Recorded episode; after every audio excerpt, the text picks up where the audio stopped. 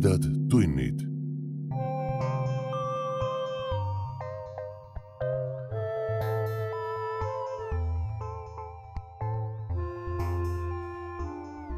tere, hea ulmesõber. tere tulemast kuulama õudus- ja ulmejutu podcasti Tumedad tunnid, vabariigi aastapäevale pühendatud osa. soovime omalt poolt kõigile meeleolukat ja toredat sünnipäeva. tänases osas tulevad ettekandele kolm vana Eesti autorite lugu. vanad on need lood kahes mõttes. esiteks on need kirja pandud väga ammu ja teiseks on need juba ilmunud meie toetajatele ilmuvas sarjas Tumedad tunnid ekstra. esimeses ja teises osas eelmisel aastal. Need, kes veel meie toetajad pole, nüüd saate natukene aimu sellest, mida saab kuulata lehel patreon.com kaldkriips tumedad tunnid Need, kes juba on meie toetajad, ärge pahandage. märtsis peaks juba teieni ka värsket kraami jõudma. ja siin need lood on. esimest neist kuulete koos sisse- ja väljajuhatusega, nii nagu see pea aasta tagasi tehtud sai. kõhedat kuulamist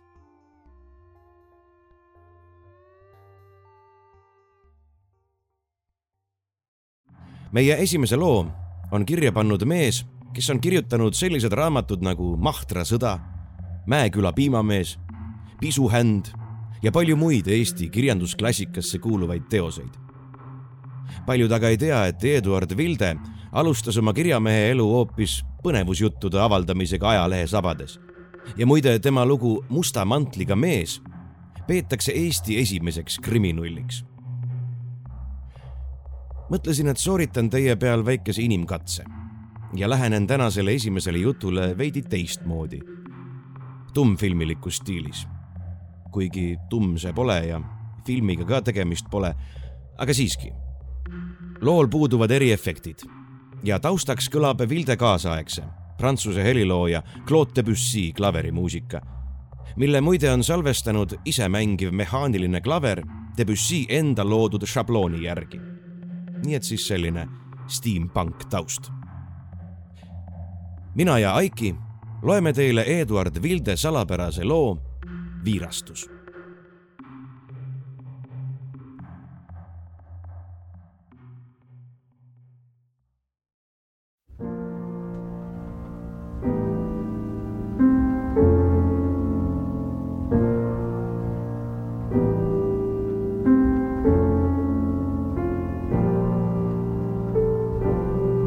Ivan Karlovitš Minutini uus korter oli väikeses aia uulitsas maja kolmandama korra peal. kohe teise päeva hommikul pärast sissekolimist silmas ta vastasseisva maja neljanda korra akna peal midagi, mis talle asja andis südamest oma õnne tänada, et ta siia korteri saanud.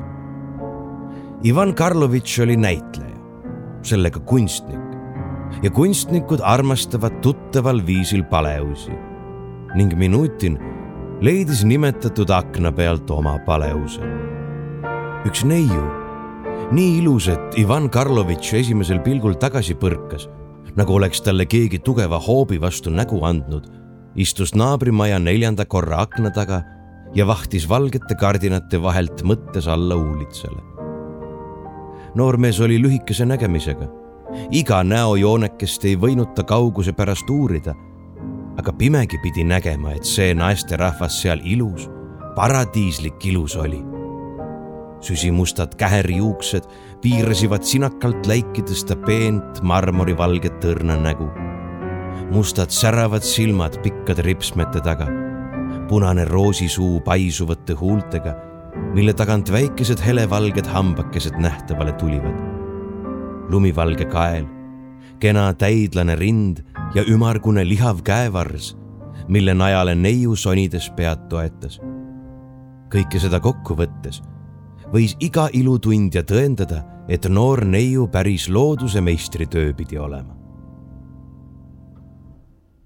neiu istus liikumata paigal. Ivan Karlovitš pani imeks, kuda ta mitu tundi järgemööda nõnda vagusi istuda võis. mitte kordagi ei pööranud ta pead, ei liigutanud kätt, ta mõtted pidivad küll väga sügavad olema. lõuna eel, kui päikene aknast sisse hakkas paistma, tõmmati kardinad ette ja neiu pea kadus nende taha. õhtul sai aga meie sõbrale jällegi õnn osaks oma paleust akna taga näha. nüüd oli ta juba elavam. ta vaatas sinna-tänna, alla uulitsale, siis pahemat ja paremat kätt, nokutas peaga ja näitas kannelt või mingit muud mänguriista mängivat, sest avatud aknast kostis mahe muusiku heli alla. Ivan Karlovitšile tuli rahutu öö. kaua ei tulnud tal und silma. ta mõtted käisivad ilusa naabri neiu poole. piiga kena pilt seisis nagu nõiduv virrastus ta silma ees. teisel hommikul oli ta esimene tegevus akna ette astuda ja üles naabrimaja neljanda korra poole vahtida. oh õnne, seal ta istuski jälle ja jälle nii sügavas mõttes, nii vagusi sonides, liikumata paigal. lõunal kadus ta jälle kardinate taha, õhtul tegi ta jälle muusikat. see kestis nõnda mitu päeva ja Ivan Karlovitš ei väsinud vahtimast, imestamast, ohkamast kuda neiuga tutvaks saada, oli nüüd tema esimene ja viimne küsimine. ja tutvaks pidi ta temaga saama, maksku mis maksab.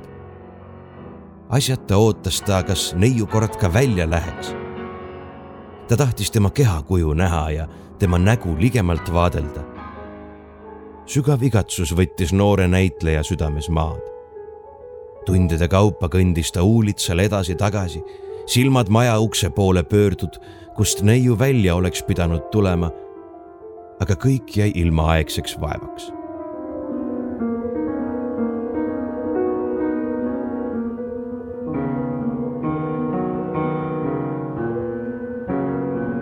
aga ometigi viimaks. ühel pühapäeva pärastlõunal ilmus ta. Ivan Karlovitš seisis uulitsa ääres südame tuksumine tahtis tal seisma jääda, kui neiu sirge kuju koja uksest ilmus. siis astus ta ruttu mõne sammu ligemale. neiu naeratas nii magusasti, nii nõiduvalt, et armastaja noormehe mõtted segamini läksivad. neiu laskis nagu poolkogemata punase roosi maha langeda. ise tõttas ta kergel sammul edasi ja kadus varsti ümber uulitsa nurga Ivan vahtis talle segaselt järele. siis võttis ta roosi maast, surus ta huulte vastu ja hakkas neiule järele ruttama.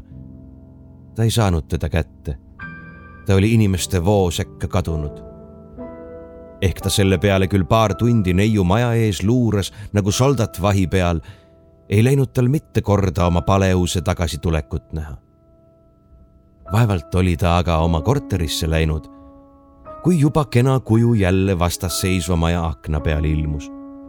neiu seisis seekord ja vaatas, nagu Ivan Karlovitš suure rõõmuga tähele pani, otse tema akende poole.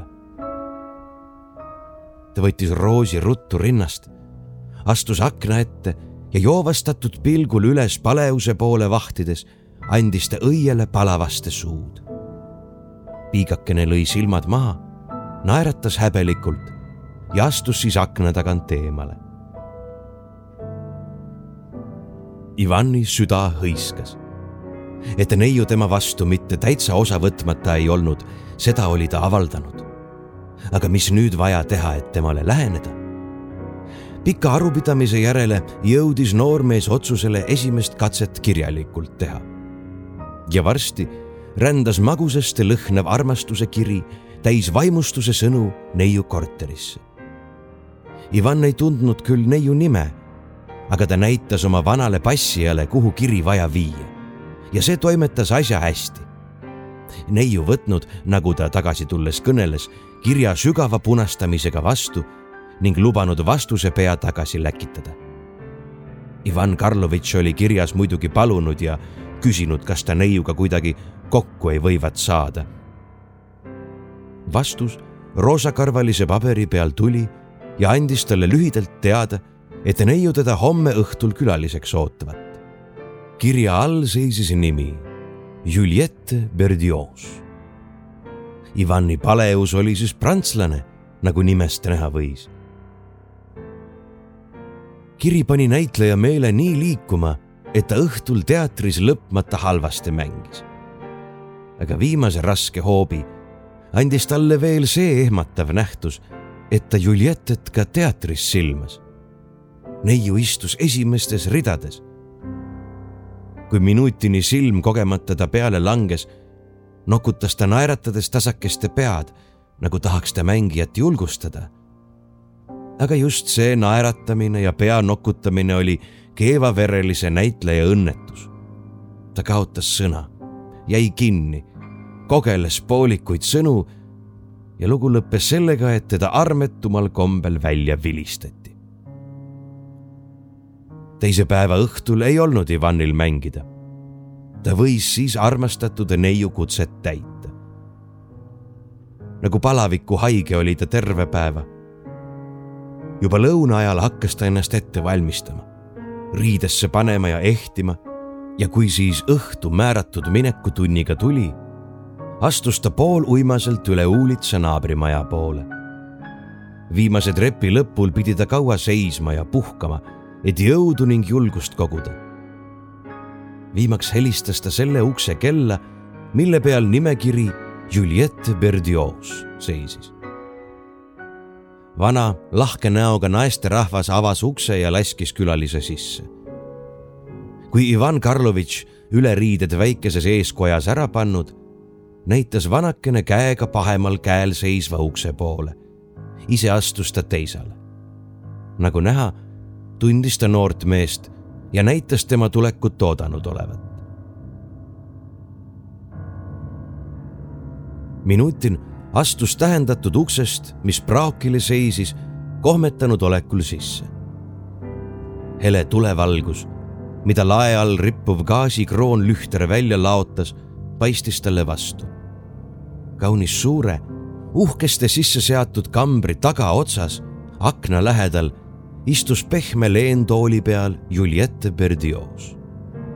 minutini ingli ilus, palavasti armastatud neiu ta oli kõige kenamas riideehtes. taevakarva sinine pitsidega ehitad atlaskleit ümbritses ta siledat keha. Mustade juukste sees valgendas teeroosi kollakas valge õis.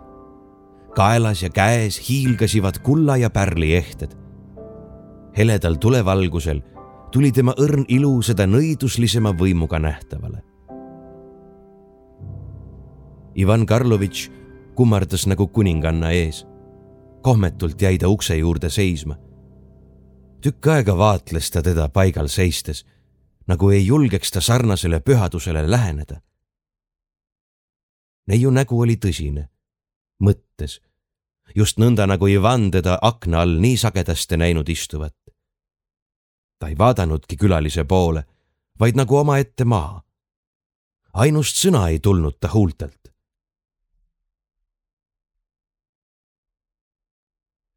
Ivan Karlovitš arvas, et neiu tema sisseastumist ei olnud kuulnud ning astus paar sammu edasi.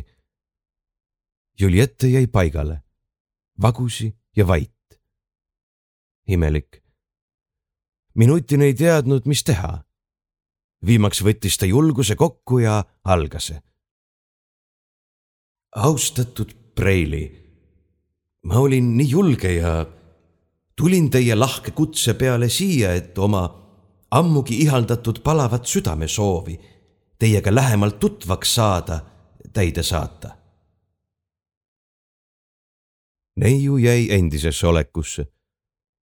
mitte sõna ei kostnud ta. kordagi ei pöörnud ta silmi noormehe poole. mõttes ja tõsiselt vahtis ta maha. minutin oli kõige suuremas kitsikuses. Te Teie näitate sügavas mõttes olevat, Preili Berdios, algas ta kogeldades uuesti. väga kahju, et ma teid eksitan, aga mind juhatati siia ja teie kirjas oli praegune tund nimetatud. kui te soovite, siis lähen ma jälle tagasi ja tulen hiljemini, kui te lubate. ma palun, Preili, kostke mulle ainus sõnagi. asjata neiu ei muutnud oma olekut karva väärt. Ta ei pilgutanud silmi, ei liigutanud huuli. külmavärin käis minutinil keha üle. oli tema paleus vahest kurt ja pime kah. see oli aga võimata. Uulitsel ja teatris oli ta ju kui igapidi terve inimene ilmunud. mis tal küll praegu võis meeles ja mõttes olla ma saan aru teie vait olemisest ja tõsidusest, ütles Ivan Karlovitš pika piinliku vaheaja järele sügavasti ohates. Teie tahate mind karistada, et ma nii hulljulge olnud, teile läheneda, teie sõprust, teie osavõtmist otsides. ma ei ole ju seda väärt. ma ei saa isegi aru, kuidas mul see lõpmata julgus võis olla teie poole oma silmi tõsta. Teie poole, kes teie oma ingli iluduses nagu kõrgel seisav paleus kunagi minu sugusele surelikule ilmpuutumata olete. aga mida võin mina selle eest, et teie mu meele, mu mõistuse, mu hinge esimesest nägemisest saadik nõiduslise väega ära täitsite, põlema süütasite, raugemata ilmkustumata lõkkele neiu Berdios, ma olen teie vang. tehke minuga, mis te tahate. nuhelge mind, surmake mind. ma olen kõigega rahul. Juliette, ma armastan teid nii palavalt, et ma mõistuse kaotaksin, kui teie mind enesest armuta ära tõukaksite. nüüd, pikkamisi, hakkas elu Preili Berdioosi liigetesse tulema ta tõstis pead, nokutas paar korda ja vaatas pahemale ja paremale poole, nagu ärkaks ta sügavast unest. noormehe meelest, kes värisedes eemal seisis, oli aga siiski nagu ei heidaks ta ainust pilku tema poole. kõige kentsakam ime tuli aga veel. mitte ainust sõna ei lausunud Juliette minutini palava armuavalduse peale selle asemel hakkas ta aga korraga muusikat tegema. ta hoidis süles väikest mängutoosi. sõrmed hakkasivad selle vänta ajama. Ivan Karlovitš värises. oli ta armukene korraga nõrgameelseks jäänud. ainult sel mõttel võis tema imelist olekut seletada. Juliette, hüüdis Minutin hirmuga ta jooksis neiu juurde ja sirutas käe tema järele välja. sel silmapilgul kustus kroonlühter lae all järsku ära. pilkane pimedus valitses toas. Juliette mängis edasi. mängutoosi pehmed toonid helisesivad salaliselt läbi pimeda toa. iseäraline, ära seletamata hirm tekkis minutinile südamesse ta meelest oli, nagu oleks ta ära nõiutud, nagu viibiks ta tontide asupaigas. seal korraga võttis väikene pehme käekene tema käest kinni ja hakkas teda edasi talutama. ta ei pannud vastu. teda viidi pikkamisi pimedast toast välja, siis jälle kuskilt uksest sisse. ta astus väikesesse, heledasti valgustatud saali tema talutaja oli pisikene musta peaga ilus poisikene, kes kelmi naeratamisega tema poole üles vaatas ja nüüd ta käe lahti laskis.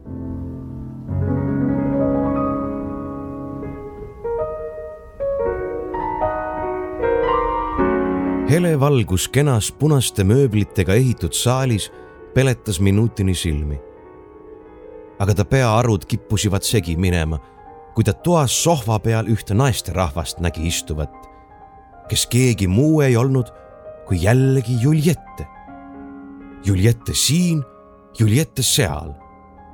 arusaamata mõistatus, nõidusline viirastus. võimata oli, et neiu nii ruttu teisest kambrist siia istuma tulnud. võimata ka sellepärast, et saali kuskilt muud ust ei käinud kui see, kust minutin ise praegu sisse talutatud ja ometigi istus Juliette seal, keegi muu. see samasugune sinine kleit seljas, valge roos mustades käherjuustes, mängutoos käes. minutin pani käed risti ja vahtis hirmunult nagu tonti nähes ilusa nõianeiu poole. ma usun, ta hakkas mõtte sisse meie tagurpidi lugema. Preili Berdioos silmitses teda pilkava kelmika naeratamisega tükk aega. viimaks, kui noormehe nägu ikka pikergusemaks muutus, hakkas ta heledasti naerma. tõusis üles ja astus minutini juurde. kui ta käe teretuseks välja sirutas, astus Ivan Karlovitš kohkudes tagasi. Teie peate mind mõneks vaimuks, Ivan Karlovitš, ütles neiu lustlikult ma ei oleks arvata võinud, et teie nii ebausklik olete. tulge minuga. ta astus uksest välja. minutin sammus pooltahtmata järele. Lähemal silmapilgul seisis ta jälle seal kambris, kust teda poisikene Juliette juurest ära talutanud. kroonlühter põles jälle. aga püha taevas, viirastused ei tahtnud lõppeda.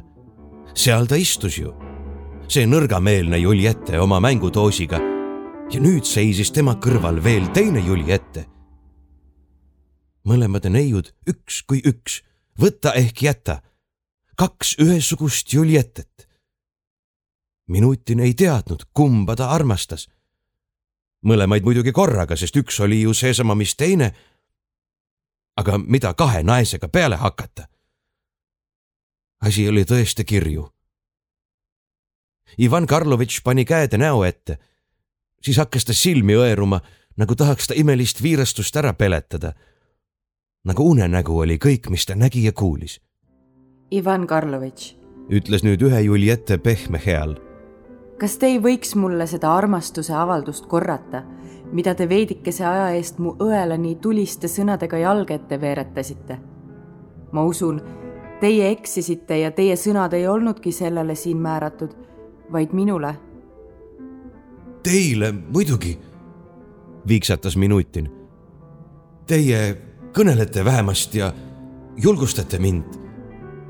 Teie imelik õde ei lausunud sõnagi, vaid hakkas ainult mängudoosi väntama. ma arvan, Preili tahtis mind nokkida. nüüd hakkan ma sellest aru saama. kui ma ei eksi, siis on Preilid kaksikud, kelledele loodus nii imekspanemise väärt sarnaduse andnud. see Juliette, kes kõneles, astus nüüd minutini juurde, hakkas ta käest kinni ja viis teda õe juurde. minu õde, härra Minutin, seadis ta tõsisel näol ette. tumm Juliette ei liigutanud. ta vahtis nagu kunagi omaette mõttes maha Ivan Karlovitš pidi praegu aupaklikult kummardama, kui ta järsku tagasi põrkas. silmad suureks ajas ja nii kaebliku, hale naljaka ja töntsi näo tegi, et kõneleja Juliette valjuste naerma pahvatas. minutin hakkas tumma neiu käest kinni. pikkamisi laskis ta selle jälle lahti. siis ohkas ta sügavasti. Teie õde on vahast, ütles ta pool nutuse, pool naerulise häälega. oh, mina esimene lambapea. kes ma sellest alles nüüd aru saan? kohe homme ostan omale prillid. minu lühikene nägemine mängib mulle muidu veel mõne hullema vingerpussi. minu õde on paraku vahast, sõneles Juliette naljatujul ja teie võtate küll oma palavad sõnad, mis te talle kõnelesite tagasi olgu küll, et mu vaese õekese vahas süda sellepärast vististe lõhkema saab. ta oli väga õnnelik, et teie teda oma aknast imestades mõnel päeval vaatlesite ja koguni märku andsite, et te oma südame temale kaotanud. sellepärast istuski mu õekene alati siin akna all. oh, nüüd on kõik möödas.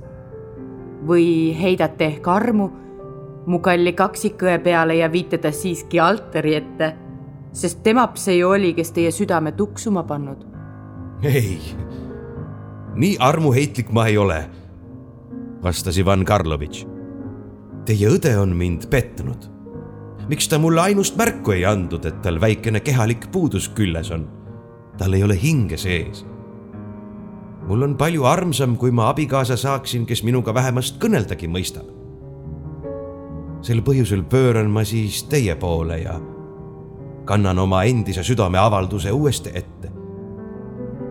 Juliette, kas see ehk võimalik oleks? oma õnnetuma õe pärast tahan ma seda võimalikuks teha.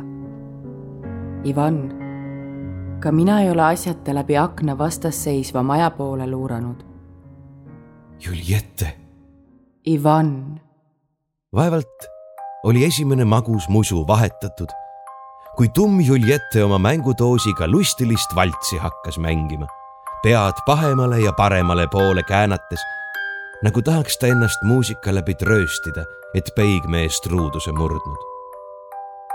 kuju tagant oli väikese poisikese naeru kõhistamist kuulda. ta oli vahakuju vedrud üles tõmbanud, nagu ta enne, kui minutin siin olnud, kes teda ei olnud näinud. anna mulle andeks, Ivan, ütles Juliette paludes et ma sind oma vahastõega täna natukene tüssasin. see oli sulle karistuseks, et sa ennast tema läbi tüssata lasksid. minu väikene vend Louis aitas mul nalja korda saata. ta pani kuju mängima ja kustutas gaasitule ära. tule siia, Louis, anna härra Minutinile kätt ja palu temalt ka oma vigurdamist andeks. see kuju seal on aga minu õndsa isa viimane meistritöö ta oli vahakujude tegija ja seisis kaunis kuulsuses. aasta eest suri ta ja jättis väikese Louis ja minu vaesteks lasteks, kuna me armsa ema paar aastat ennemalt kaotasime. isalt pärisime väikese kapitali, millest mureta elasime. mis mul sinule veel jutustada on, seda teen teelauas, kus vana Maria meid praegu ootab. tule mu kallis. Ivan Karlovitš Minutin on praegu õnnelikum abielumees terves Peterburis. selle õnne tõi talle jutustatud viirastus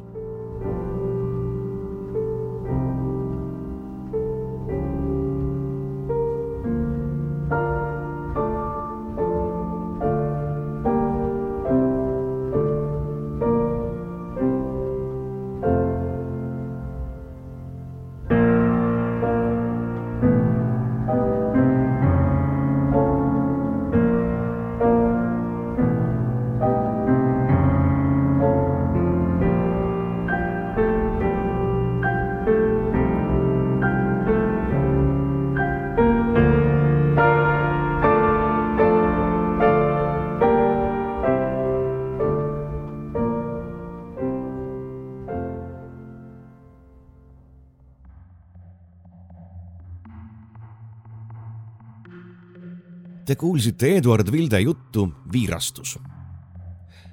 nüüd oleks paslik mainida, et sissejuhatuses ma natuke valetasin teile. jah, kõik taustal kõlanud palad pärinevad Claude Debussy'lt, välja arvatud üks, mis pärineb ühelt teiselt, hilisemalt autorilt. nii et kui meie hulgas on muusikagurmaane, siis siin on teile väike viktoriini küsimus. kellelt ja mis palaga on tegemist? vastused on teretulnud meie kommentaariumisse vaatame, kes on esimene õige vastaja.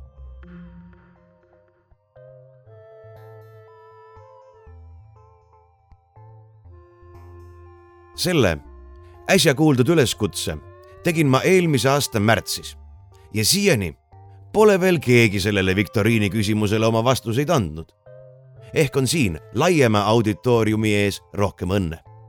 nii et vastused on endiselt oodatud kommentaariumisse meie järgmised lood räägivad jahimeestest ja tüüpilistest üleloomulikest probleemidest, mis vanal ajal jahinduses ette tulid. ma loen teile Juhan Jaigi õudusloo Suurte kuuskede mann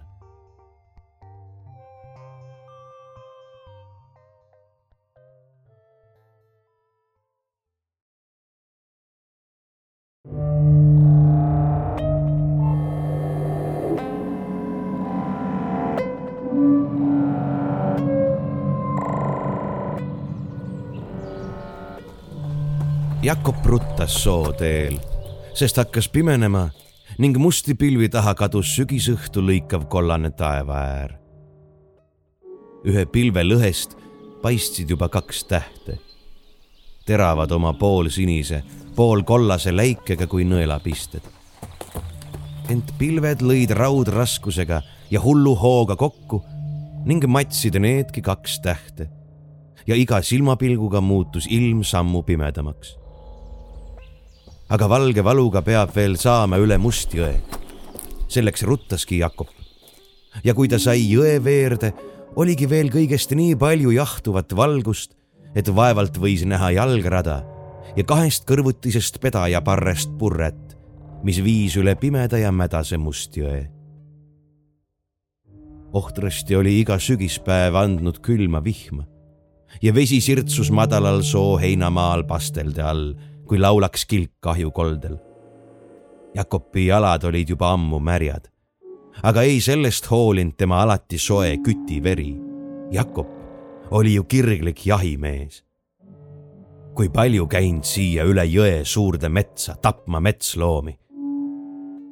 ei mahtunud ta mälestusse tapet metskitsede, samuti rebaste arv. põtrugi arv tõusis üle saja, keda ta tapnud siin ja sääl siia niidule käis Jakob kevadel tedrelaulu ajal punakulmulisi tetri varitsemas, kui tõusval aokumal lendas noid metsadest niidule mustavate parvedena. mängisid nad niidul, laotasid laiali tiibu ja kaklesid, et suled lendasid. siinsamas lähedal luuras ta suuri raskeid metsiseid. siin varitses ta kevadel niidukaeladel metskitsi kui need õhtu vaikides julgesid tulla lagedale sööma värsket rohtu. alatiste hirmutamiste pärast aeg-ajalt tõstes kõrgele peenikese pää ja kisendades hirmutavalt. siin jooksis Jakob talvel suuskadel panema rebastele pille ja peaaegu alati leidis järgmisel päeval mõnekümne sammu kaugusest surnud ehk poolsurnud rebase. siin ajas ta jäneseid hagijaga ja tappis noori tetri ja parte Mustjõel. siin külvas ta lindudele piirituses leotet kuremarju, mida sõid juurde juhtunud tedreparved ja jäid purjus pääga lumele selili, kust Jakob nad elusalt kotti toppis. siin saatis ta isa põdrale kuuli südamesse, nülgis ta siinsamas, puistas põõsasse sisikonna ja kandis liha jupikaupa koju. siin laskis ta kuusest viimase selle metsa nugise ja siin, see oli küll väga ammu, tappis ta nende metsade viimase ubakirjanahkse kiskja Ilvese, kes siin paarituna mitu aega juba üksi elas, kisendades omasuguste järele ja kellega kadus Ilveste sugu siit igaveseks. halastamatu oli Jakob metsloomade vastu. väikesi süütuid oravaid laskis ta niisama põhjuseta maha ja ei korjanud neid maast üleski ei andnud ta armu mängivatele jänesepoegadele, kitsetallekestele ega põdravasikatele. tappis poegi vaid emaloomi ja väikesi triipseljalisi tedrepoegi tallas jalgadega, kui ta nende ema oli maha lasknud, kes end haavatuks maskeerides katsus meelitada kütti pojakeste juurest ära, lohistades põõsastes tiibadega. sellepärast tundiski siin Jakob iga põõsast ja puud ning iga jalgrada, mis viis keskmetsa, suurte kuuskede manu, kus täna pidi Jakobit ootama suurepäraseim jahinumber. aga vihane oli täna mets laasta ja küti vastu. kuuseoksad peksid vastu ta nägu ja oksakonksud hakkasid rutta ja püssipaela ja riideisse kinni. peksid oksad vastu silmi ja Jakob pidi hoidma kätt kaugel ees. Jakob oli metsas luusides juba ammu märganud laiu karujälgi ja see oli pannud ta küti vere kihama. ta kandis mitmele poole metsa raipeliha ja neid üle vaadates tegi ta karu asupaiga kindlaks. Jakob määris siis suurte kuuskede tüvedele mett ja vedas sinna vana hobuse raipe sinna pidi karu tulema öö jõudes. selleks ruttaski Jakob, et tappa metsast viimast karu. tappa karu, see oleks vägitükk, mida Jakob enne ei ole läbi teinud ega saa selleks kindlasti ka teinekord enam juhust olema. see pidi olema lõbu, mis tasuks kõik mitmenädalalised ettevalmistused ja raipe kandmised kaugele metsa. pidi olema kangelase töö, millest maksab jutustada külameestele, mida jutustada oma poegadele, et jääks Jakobi järeltulijatele perekonnalegend suurest karutapjast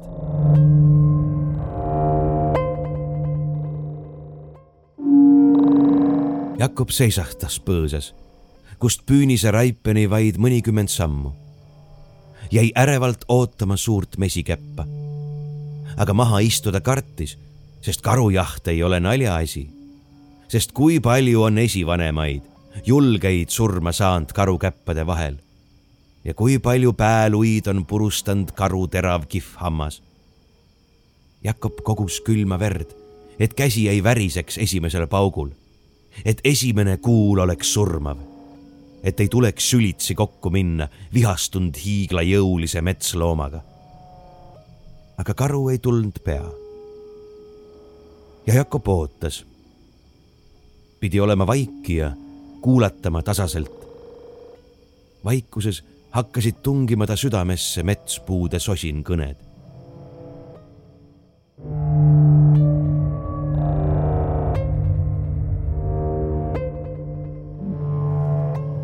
viimaks kuuldusid põõsas karu kohmakad hüpped.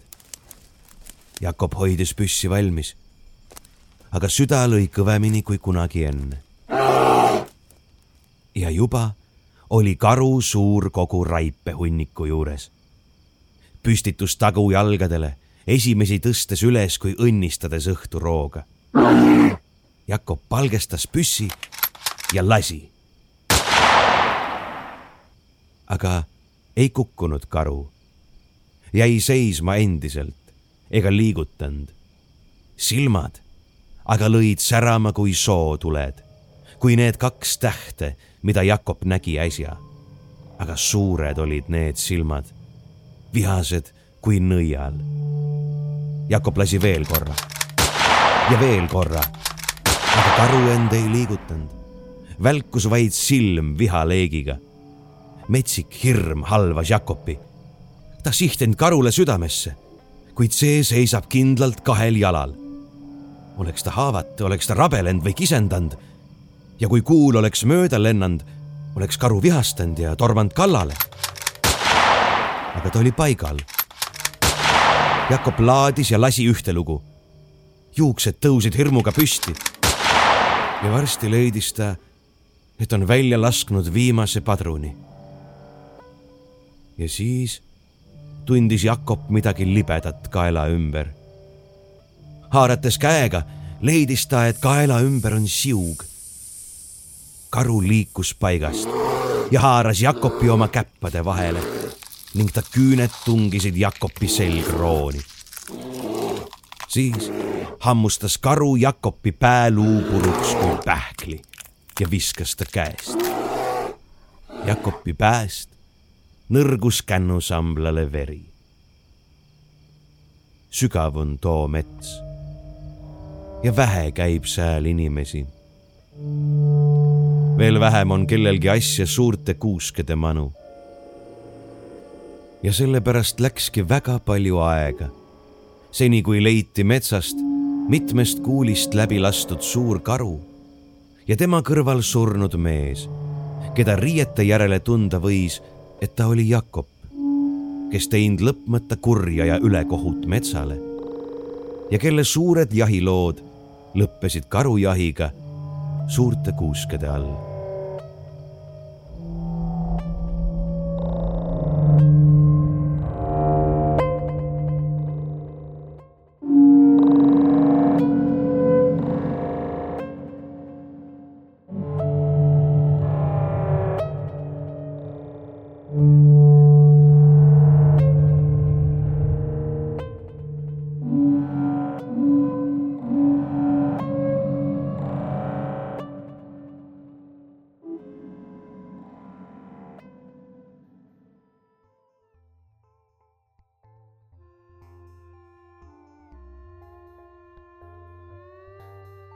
Te kuulsite Juhan Jaigi õuduslugu Suurte kuuskede mann.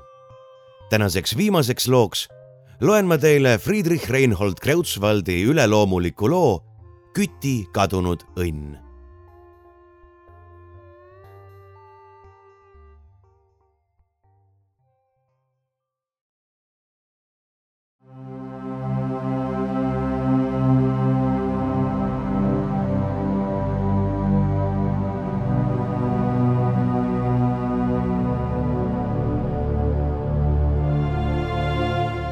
ükskord elanud üks niisama osav kui õnnelik kütt, kes, kui ta metsa läinud, olgu suvel ehk talvel, iial ilma rohke saagita tagasi ei tulnud. mis temale parajal kaugusel silma ette juhtunud, kas lind ehk neljajalgne elajas oli nii hästi kui tema kotis, sest et tema laeng iial tuulde ei läinud, vaid otsekohe looma külge, keda ta tappa tahtis. korraga ei tea, kes temale seda kurja tempu oli teinud kadunud kütil endine õnn. linnud ja neljajalgsed põgenenud kaugelt tema eest ja kui ta kogemata mõnele ligi saanud, nii et püssilaeng elajasse oleks võinud puutuda, läinud laeng ometi iga kord tuulde. küll märganud kütt sedamaid, et tema püssiga enam õiget lugu ei ole ning ta uhtnud ja ohatanud püssi igal viisil matnud ta kolmeks päevaks ukse läve alla, kust naisterahvas üle käinud aga ükski abitükk ei tahtnud aidata. nõnda oli ta juba rohkem kui nädalapäevad risti ja põigiti mööda metsi hulkunud. iga päev mõned paugud tuulde põrutanud, aga ometigi ei saba ega sarve, ei sulge ega karva kotti saanud. nukral meelel läinud ta ühel õhtul metsast tulles kõrtsi, tahtnud muretuju jahutuseks paar suutäit viina võtta aga ka viinal ei olnud maitset seal toppinud ta tubakat piipu, pannud piibule tuld peale ja istunud kõrtsilaua taha oma nosu suitsetama.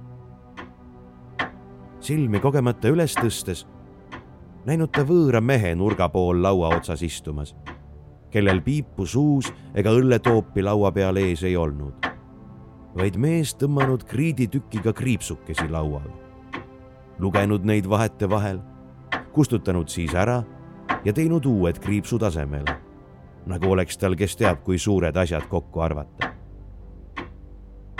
kui sedaviisi tükk õhtut oli läinud, lasknud kütt enesele toobi õlut anda, mis ka vahel kuivanud suud kastnud, aga mitte sõnagi rääkinud, vaid mõtetega aega viitnud, nõnda kui teine mees oma kriipsude arvamisega.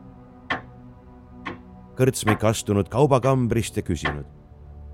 külamehed kui teil enam tahtmist ei ole midagi minu käest võtta või ööseks siia jääda, siis tehke minekut. ma tahan kõrtsi uksed kinni panna ja magama heita. kütt kostnud. anna veinike veel aega piipu toppida ja tuld peale panna, siis lähen ma koju. kui kütt selle talituse oli toimetanud, võttis ta oma püssi nurgast, jättis head õhtut ja läks toast välja.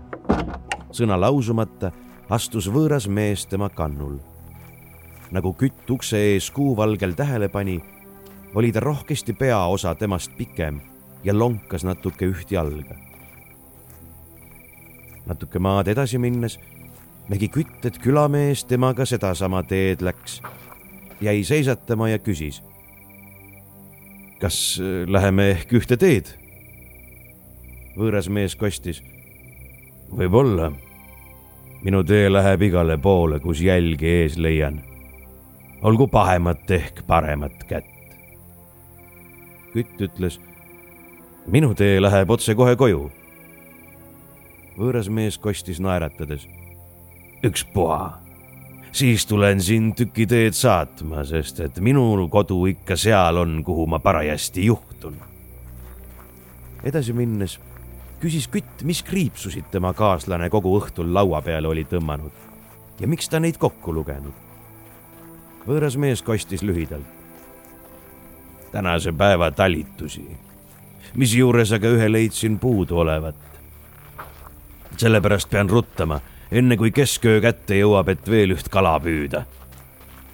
siis olete vististi kalamees, küsis kütt.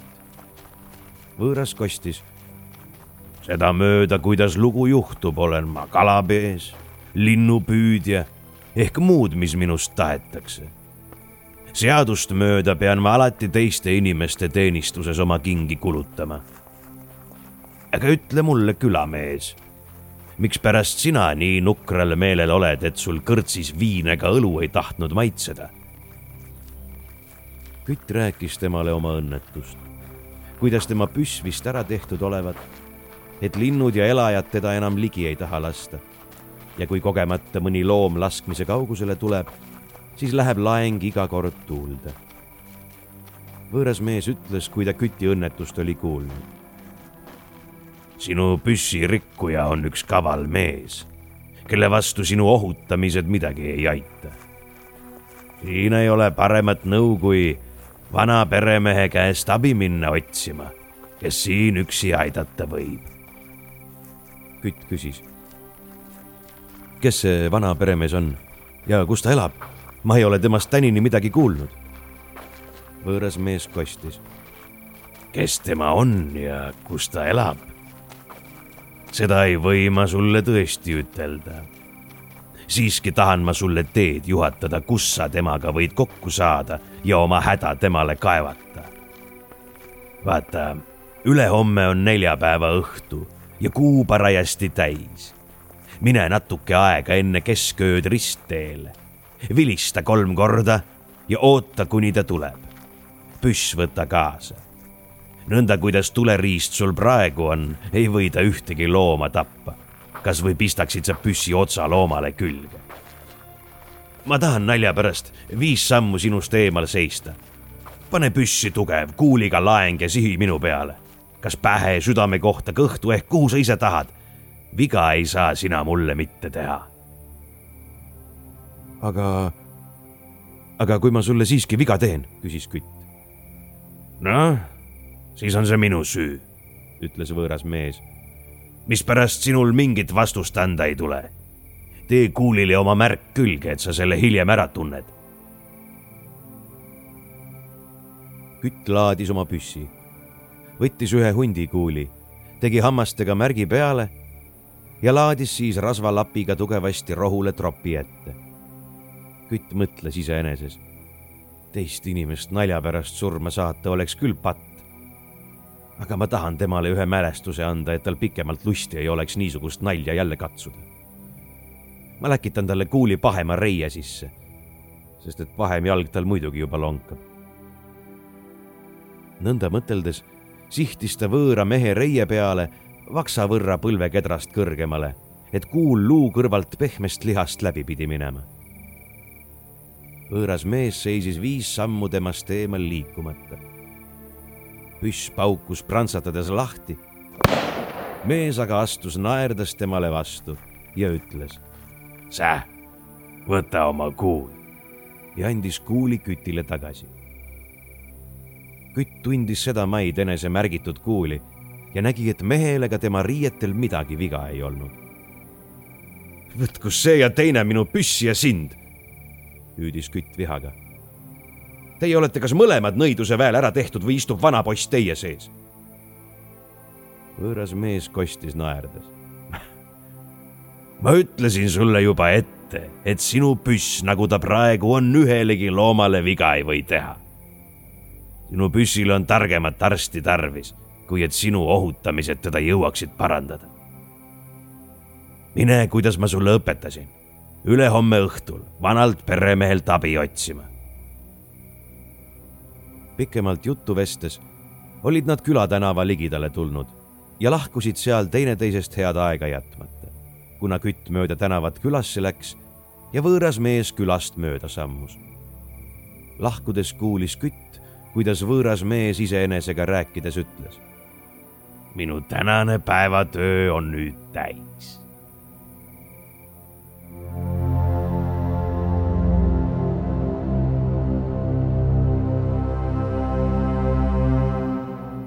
Teisel päeval, neljapäeva õhtul, läks kütt juhatust mööda ristteele kadunud õnne otsima.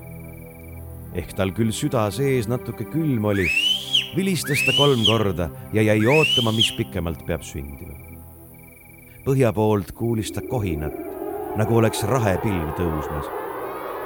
siis paistis välgutuluka temale kolm korda silma ja selle peale seisis üks väike punase habemega vanamees tema ees. Kuidas ta sinna oli saanud, kas tuulest maha paisatud ehk maapinnast üles tõusnud, seda ei võinud kütt ütelda, sest et ta vanamehe tulekut ei olnud näinud. vanamees küsis. mis sa minust tahad, et mind siia vilistasid? kütt jutustas temale oma loo otsast otsani. kuidas temal püss nõiduse väel olevat ära tehtud, nii et ta sellega enam elajate ja lindude ligi ei saa. Ja kui kogemata neist mõni laskmise kaugusele juhtubki tulema, siis läheb laeng iga kord tuulde. vanamees ütles. kui ma sulle kadunud õnne pean tagasi tooma, siis peame meie esiteks selle peale kaupa sobitama. kui kaua ma sind pean teenima? kütt kostis. nii kaua, kui ma elan. hea küll, ütles vanamees. õnne tahan ma sulle tuua, aga vaata ette, et suur õnn sind ülemeelseks ei tee siis pistis ta oma käe kaelkotti ja tõi sealt peotäie kaseurbi välja. andis need kütile ja ütles. õmble kodus üks väike kotike ja pista need urvad sinna sisse. Lähed sa metsa lindu ehk neljajalgseid elajaid küttima, pane urvakotike oma tasku ehk põue. Siis lased sa iga kord elajaid ja lindusid ja nii palju, kui sa himustad, ega pea mets neist iial kahanema selle osa, mis sa täna oled tapnud, leiad sa homme jälle eest. aga hoia ennast selle eest, et sa kõige suuremat lindu ehk elajat, kes kui ninamees iga kord teiste ees on, oma püssiga ei tapa. muidu kaotaksid sa õnne ja üheskoos ka oma elu. nüüd anna mulle kauba kinnituseks veel kolm piiska oma verest kütt kohkus seda kuuldes ja seisis kahe vahel. mis ta pidi tegema? vanamees, kes ehk tema mõtteid mõistis, ütles. tee, mis sa tahad. ega siin mingit vägivaldset asja ei ole. meie teeme sõbrakaupa. tahad sa nõnda, kui viimasel ajal iga kord saagita metsast koju tulla, siis jäta veri andmata. Aga on sul tahtmist metsasaagi läbi rikkaks meheks saada siis pead sa mulle kauba kinnituseks küsitud veretilgad andma. kütt võttis oma pastla nõela kübara äärest, torkas sellega pahema käe nimete sõrme, litsus kolm piiska verd, mis vanamees ühe kasetohu külge kastis ja siis tohu oma tasku pistis. selle peale puhus ta kolm korda küti püssi sisse ja ütles rõõmsa näoga. Nüüd on asjatalitus meil korras sinu püss on nõiduse väest päästetud ja tapab iga looma, mis sulle metsas ette juhtub tulema. peale kauba kingin ma sulle ühe püssikuuli, millega sa oma püssinõidujale võid teenitud palga kätte tasuda. lase see kuul tuulde ja nimeta lastes keha kohta, kuhu ta peab minema. siis läheb kuul sinna. Olgu sihimärk kas või mitukümmend penikoormat sinust kaugel kütt võttis tänades kuuli. tahtis lahkudes vanamehele head aega ütelda, aga vanamees pani oma käe tema suu peale ja käskis vait olla. silmapilk oli ta küti silma eest niisama imelikult kadunud, nagu ta enne sinna oli tulnudki. kütt käänas sammud koju poole ja tahtis teisel päeval metsa minna oma õnne katsuma, kas vanamehel lubadused tõeks ehk valeks pidid minema Läheb lubadus tõeks, mõtles kütt. siis olen õnnekaubaga kokku juhtunud.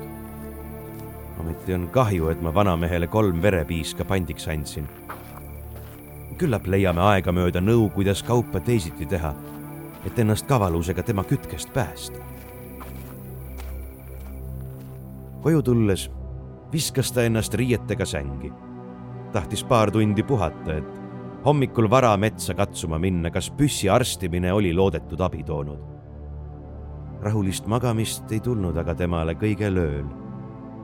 niipea kui laug silma kippus katma, äratasid teda iga kord linnuparved ja elajate karjad, mis kohinal temast mööda kihutasid. koidikul kargas ta asemelt laadis püssi, pistis õnneurvad püksitasku, pani jahipauna kaela ja tahtis ilma hommikusuuruseta kodunt välja minna. vast ukse peal tuli temale meelde enne minekut mõni suutäis linnupetet võtta. metsa jõudes tuli temale parv tetri vastu. ninamees isasest metsisest suurem. kütt temasse ei puutunud, vaid sihtis keset parve. püss paukus ja kuus tetre langes korraga tema ette maha. aitüma, vana peremees, hüüdis kütt ma näen, et sa sõna oled pidanud ja lubadust täitnud. seal tuli tal kuul meelde, mis püssirikkuja karistamiseks peale kauba oli antud. ta mõtles. ma tahan ülekohtusele teenitud palka maksta ja hoolt kanda, et temal edaspidi minu püssi narrimine enam nii kerge ei pea olema. Ta laadis püssi, pani kuuli peale ning laskis laengu tuulde, üteldes tungi nõia mõlemast põlveluust läbi. et tal täna pikemat himu ei olnud lindusid lasta, võttis ta oma kuus tetre maast ja hakkas koju poole minema. lagedale tulles tõusis parv põldpüüsid tema nina eest üles, jälle üks suurem teistest. kütt mõtles. Kahju, et püssi moonata jätsin. muidu oleksin võinud siin teist korda õnne katsuda linnud nagu oleksid tema mõtteid mõistnud, laskudes paarisaja sammu kaugusel maha. kütt laadis püssi ja sammus nendele järele. linnud tõusid teist korda üles. kütt laskis suure ninamehe eemale lennata ja sihtis siis linnuparve keskele. tosin püüsid langes maha. tohoh, hüüdis kütt kui lugu pikemalt nõnda edasi läheb, siis ei tohi ma muidu enam metsa minna, vaid pean hobuse vankriga kaasa võtma, mis ka linnukoorma võin koju viia. ja lugu läks tõesti nii õnnelikult edasi. kütt saatis igal nädalal terve koorma lindusid linna turule. ometigi ei nähtud sellepärast neid metsades kuskil kahanevat, vaid küti arvates kasvas lindusid ja elajaid seda rohkem peale, mida enam ta neid eest ära oli hävitanud hõlpusamet, kus linnu laskmine kui mänguasi näis olevat, tegi aga küti hooletuks. hooletusega koos tõusis viinahimu, nõnda et ta nüüd enamasti ikka kõrtsides vedeles ja sagedasti sealt kirjude silmadega õhtul koju läks. joobnud peaga oli ta paar korda oma kaubast vana peremehega teistele kiidelnud, mis läbi jutt laiali pääses ja rahvas rääkima hakkas, et kütt oma hinge vanapoisile olla müünud.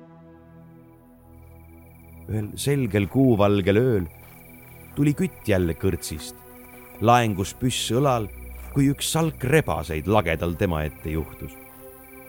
Nende ninamees, tükk maad teistest ees joostes, oli nii ilus, et sooja peaga kütil aega ei olnud kaubatingimusi meelde tuletada mis temale keelanud olid kõige suuremat elajat maha lasta. ta tõstis kiiresti püssi palge, sihtis ja andis suurele rebasele matsu pihta.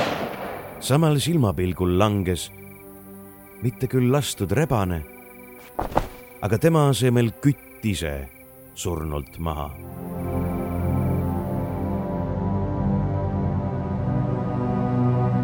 teisel hommikul leiti tema surnukeha vähem kui verst maad külast eemal välja pealt, kus püssikuul tema südamest läbi oli läinud.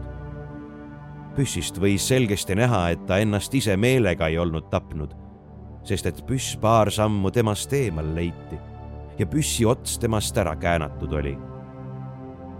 külamehed viisid ta koju ja hakkasid kirstu tegema. sealjuures tuli sagedasti nende silmade ette üks suur must kass keda ükski enne ei olnud näinud. kui kirst valmis sai ja surnukeha taheti sisse hakata panema, tõusis meestel uus ehmatus. lina surnu pealt ära võttes ei leitud seal enam surnut, vaid üks õlekubu oli tema asemel laudsile pandud.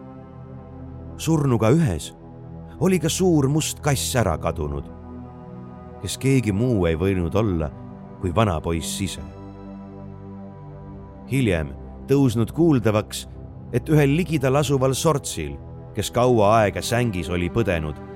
mõlemad jalad põlvest kangeks olid jäänud, nõnda et mees muidu ei võinud käia kui kahe karguga.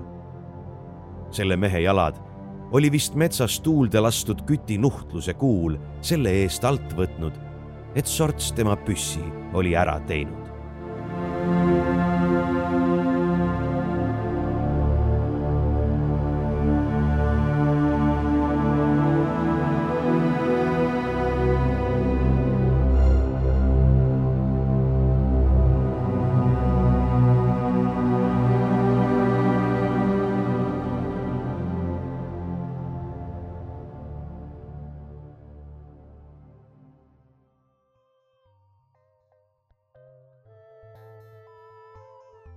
Ja ongi tänaseks kõik. soovin teile ilusat vabariigi aastapäeva pidustuste jätku. ja kohtume teiega loodetavasti juba õige pea. jagage meid seni oma sõprade ja vaenlastega. kõhedate kuulmisteni